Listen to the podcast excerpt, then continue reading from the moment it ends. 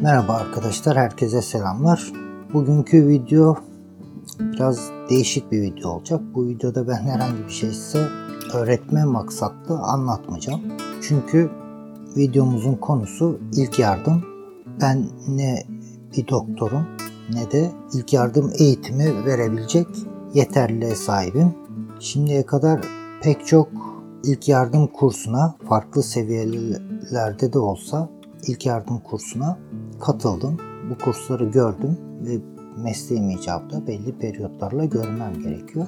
Zaten bu denizciliğimi ilerletme konusuna gösterdiğim özenin belki farkındasınızdır. Dolayısıyla aldığım her ekstra bu denizciliğimi tamamlayıcı kursun da bunlardan biri ilk yardım. Bana kursta verilenle yetinmeden daha detaylı öğrenme sürecine girmeyi her zaman için kendime prensip edinmiş birisiyim. Dolayısıyla ilk yardım konusunda belki size anlatacak çok şeyim var ama bunu bu şekilde videoyla YouTube kanalı üzerinden dediğim gibi anlatmam doğru değil, doğru olmayacaktır. Hiçbir açıdan doğru olmayacaktır. Bu noktada size tavsiyem mutlaka eğer bir teknenin kaptanlığını yapmaya niyetliyseniz, yapıyorsanız mutlaka uygun, yetkin bir kurumdan, kuruluştan ilk yardım kursunuzu, mümkünse denizcilere özel ilk yardım kursunu görmeniz, bu kurslara katılmanız. Ama bu videonun amacı herhangi bir dediğim gibi size bir şey öğretme kaygısı içermeyecek. Herhangi bir tavsiye vermeyeceğim. Medikal tavsiyede bulunmayacağım. Zaten bunu yapamam. Ama farkındalık yaratmaya yönelik bir video olacak daha çok.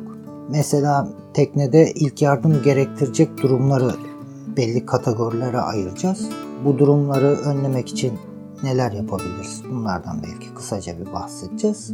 Sadece bu konunun içinde istisnai ayrı, e, diğer kategorilerden, diğer konulardan ayrı tuttuğum hipotermi konusu var.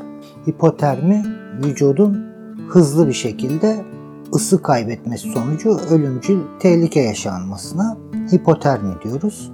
Biz bu hipotermi konusunu denize adam düşme mevzusunun içinde değerlendireceğimiz için o konuyu ben size hipotermi konusunu mecburen detaylı anlatmak zorunda kalacağım. Ama onu can yeleği kullanımı ve e, denize düşen birisini kurtarma, man overboard kurtarma operasyonu videosunun içinde işleyeceğiz. Şimdi bu ilk yardım videosunun içinden hipotermi konusunu çıkarıyorum. Onu detaylı bir şekilde öğretecek şekilde ben size anlatacağım. Mutlaka teknenizde veya evinizde e, detaylı, resimli anlatımlı, kaliteli, güvenilir bir kurumun yayını olan bir ilk yardım kitabını bulundurmanız boş kaldıkça teknenizde olsun, evinizde olsun şöyle bir göz gezdirerek bilgilerinizi taze tutmanız bence çok yerinde olacaktır. Pek çok konuda olduğu gibi ilk yardım gerektirecek bir durumda soğukkanlılığınızı muhafaza etmeniz gerekiyor. Asla panik yapmamanız gerekiyor. Kazazede paniğe kapılmış olabilir, paniklemiş olabilir. Onu da sakinleştirecek olan sizin sakinliğinizdir. Sizin konuya ne kadar hakim olduğunuzu görmesidir. O yüzden mümkün olduğunca sakin olmaya çalışın. Almış olduğunuz eğitimleri bilgilerinizin ışığında müdahalenizi gerekiyorsa yapın. Eğer bulabiliyorsanız benim videonun girişinde size göstermiş olduğum bizler için bir ilk yardım kitabı var. Şimdiye kadar benim rastladığım en kaliteli, en güzel, en bize uygun kitap o. Eğer İngilizceniz varsa, İngilizce bir kitap maalesef Türkçesi yok. İngilizceniz varsa o kitabı edinmenizi şiddetle tavsiye ederim. Ama bunun muadili buna benzer eminim ki piyasada güvenilir kurumlar tarafından yayınlanmış pek çok kitap yer alacaktır. Sakın bu konuda her konuyu YouTube'dan, internetten, Wikipedia'dan öğrenmeye çalışıyoruz. Ama sakın bu ilk yardım konusunu bu alışkanlıklarımız doğrultusunda internetten, sosyal medyadan öğrenmeye çalışmayın. Bu ciddi bir konudur. Mutlaka dediğim gibi ciddi e, bir kurumdan yetkin bir kurumdan bunun kursunu görün ve bu tür doktorların ve yetkin kurumların yayınladığı kitapları edinip o kitaplardan bilgi. Kesinlikle sosyal medyada, YouTube'da, işte Wikipedia'da, Google'da, forumlarda ilk yardım bilgisi edinmeye çalışmayın. Mesela bizim başımıza veya ekibimizden birinin başına, e, misafirlerimizden birinin başına herhangi bir kaza geldiğinde buna ilk yardım müdahalesinde bulunmamız gerekebilir. Bunlar ne olabilir? İlk etapta konuşmamız gereken belki baş çarpmaları, sert bir cisme başımızı çarpmak. Bu bomba da olabilir. İstemsiz kavança atıldığında o bomba gelip hızlı ve şiddetli bir şekilde başımıza vurma ihtimali oluyor.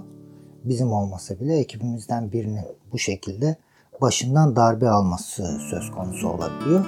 Bu başından darbe aldıktan sonra bilinç kaybının uğrayıp uğramadığı, kendinde olup olmadığı çok önemli. Kendinde olsa bile mesela tamam başını çarptı, ufak bir şişlik oluştu. Ben çok iyiyim dedi. Mutlaka başını çarpmış bir kişiyi en kısa zamanda ben iyiyim, hiçbir şey olm iyiyim yok, tamam geçti biraz ufak bir şişlik oluştu ama hiçbir şeyim yok dese bile kişi mutlaka en kısa sürede bir e, sağlık kuruluşuna o kişiyi götürmemiz gerekiyor. Çünkü bu baş çarpmalarında oluşabilecek kafatasımızın içindeki küçük bir kanama etkisini belli bir süre sonra gösterebiliyor. Mesela 2-3 saat kişi kişi gayet normal görünmesine rağmen 2-3 saat sonunda aniden bilinç kaybı baş göstererek durumu son derece ciddiye gidebilir. Ölüm riski oluşabilir.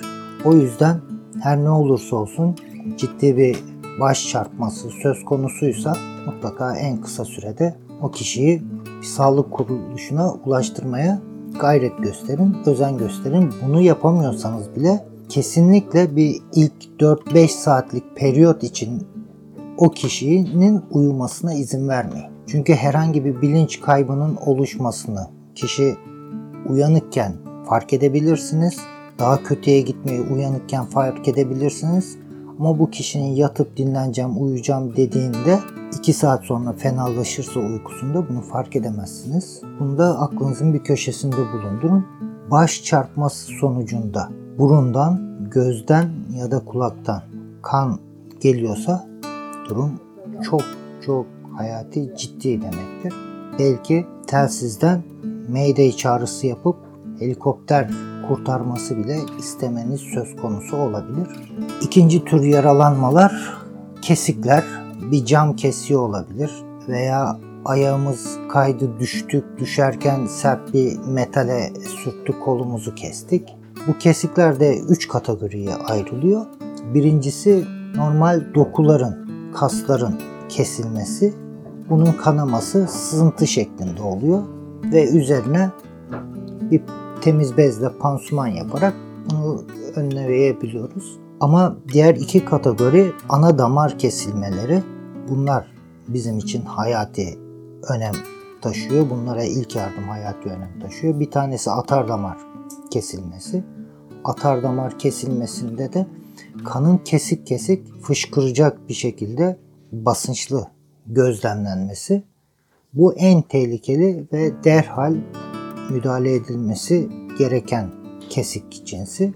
Yani atar damar kesiği, kesik kesik kanama basınçlı bir şekilde görüyorsak bu bir atar damar kesilmesidir. Derhal müdahale etmeniz gerekir. Bilinçli bir şekilde müdahale etmeniz gerekir. Bu en riskli kesik cinsidir. Bir de toplar damar kesikleri var. Bunda da kan bir nebze daha basınçlı olarak akar ama herhangi bir kesik kesik akma söz konusu değildir. Bir sızıntı şeklinde kesilen damarın büyüklüğüyle alakalı olarak bir e, sürekli sabit bir sızıntı, akıntı söz konusudur. Kesiklerdeki temel prensip kesin üzerine basınç uygulamak, temiz bir bezle, sargı beziyle sarıp üzerine basınç uygulamak ve kesik seviyesini kalp hizasının üzerinde tutmak. Ama dediğim gibi bunun ayrıntılı müdahale şekillerini göreceğiniz bir ilk yardım kursunda daha detaylandıracaklardır. Bir diğer kategori yanıklar. Yanıklar kimyasal yanıklar, asit benzeri yanıklar.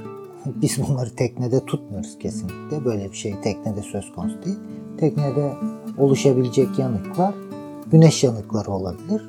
Başka bir yanık çeşidi de mesela e, sıcak bir sıvının üzerimize dökülmesiyle mesela ocakta yemek pişirirken üzerimize döküldü veya çaydanlıktan kaynattığımız su bir şekilde üzerimize döküldü. Bu tür yanıklar. Buna da nasıl müdahale edeceğinizi maalesef anlatmayacağım.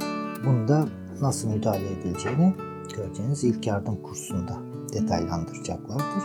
Bir diğer yaralanma şekli ilk yardımda bulunmamız gereken konu kırıklar. Kırıklar ve çatlaklar olarak değerlendirelim. Vücudumuzda bildiğiniz gibi bir iskelet söz konusu, bir kemikten oluşmuş yapı söz konusu. Herhangi bir dış etken, darbe, basınç sonucunda bu kemik yapısındaki kırılmalara ve çatlaklara, kırık ve çatlaklar oluşabiliyor. Kırıklar bir e, uzvun şeklini bozulmadığı kırıklar söz konusu. Yani kemik kırılmış ama parçalar birbirinden ayrılmamış. Bu bir çeşit kırık. İkinci bir çeşit kırığın kemik kırılmış, parçalar birbirinden ayrılmamış, yapı deforme olmamış ama araya damar veya sinirler veya tendonlar sıkışmış.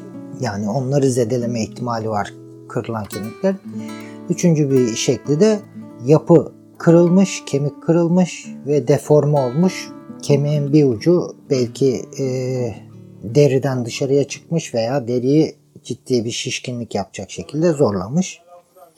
Bu tür kırıklar. Bunlarda da asıl olan asla kırığı müdahale etmemek. Yani e, müdahale etmemekten kastım herhangi bir e, yerine yerleştirmeye vesaire uğraşmamak.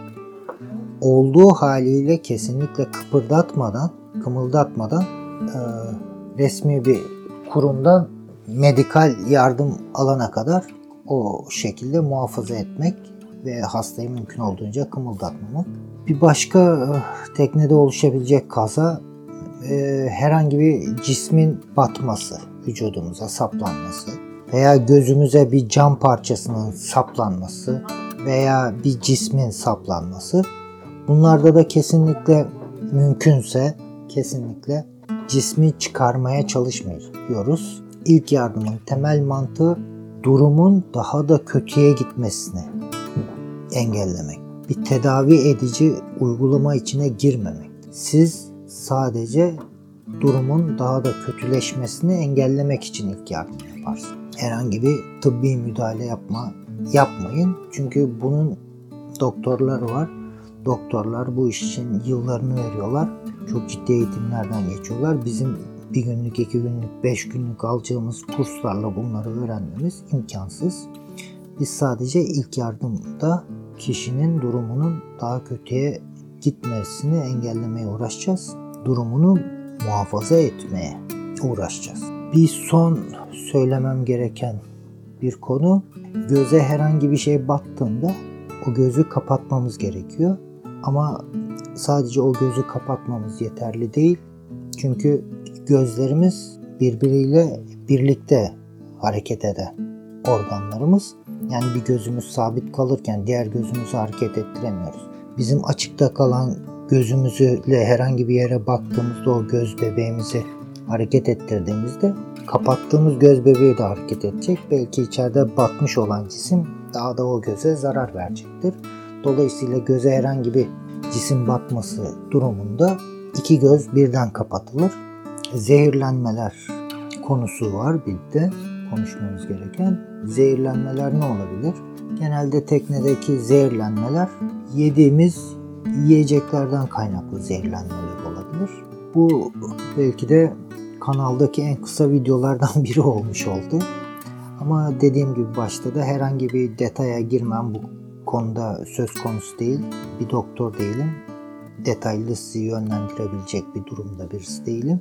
Yetkin olmayan kişilerin de bunu yapmaması gerekiyor. Bu konuya biraz özen göstermesi gerekiyor. Sadece bir farkındalık yaratmak için bu videoyu çektim. Yani her kaptanın ilk yardımla ilgili ciddi yetkin bir kurumdan ilk yardım kursu almış olması bence olmazsa olmaz. Zaten yurt dışında pek çok yat kaptanı sertifikası seviyesi farklı seviyelerde de olsa yat kaptanı sertifikası almak, bu belgeyi edinmek istediğinizde size öncelikle nasıl e, VHF telsizi bir kaptan olmak için istenen bir ek belge çoğu ülkede de öncelikle ilk yardım kursu almanız istenmekte. Ama bildiğim kadarıyla Türkiye'de böyle bir zorunluluk yok. Ama siz yine de benim tavsiyemi dinleyin. Kendinizi bu konuda zorunlu tutun. Bir kaptanın ilk yardım bilgisinin mutlaka iyi seviyede olması gerekiyor. Benim bakış açım. Bu videoyu seyrettiğiniz için teşekkür ediyorum. Bir sonraki videoda görüşmek üzere. Hoşçakalın.